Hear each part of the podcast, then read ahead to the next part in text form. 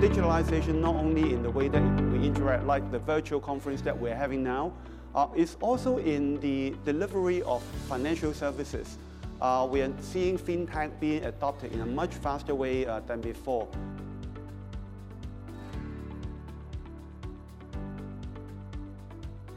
We are committed to changing the way uh, the private wealth is being invested and work very closely with the client to help them actively actively think about SI and the purpose of the wealth. And I think that will help to make a difference by really mobilizing their private wealth to creating a higher sustainability. What is the model that uh, customers are expecting? This model is very simple. They want more and more digital solutions.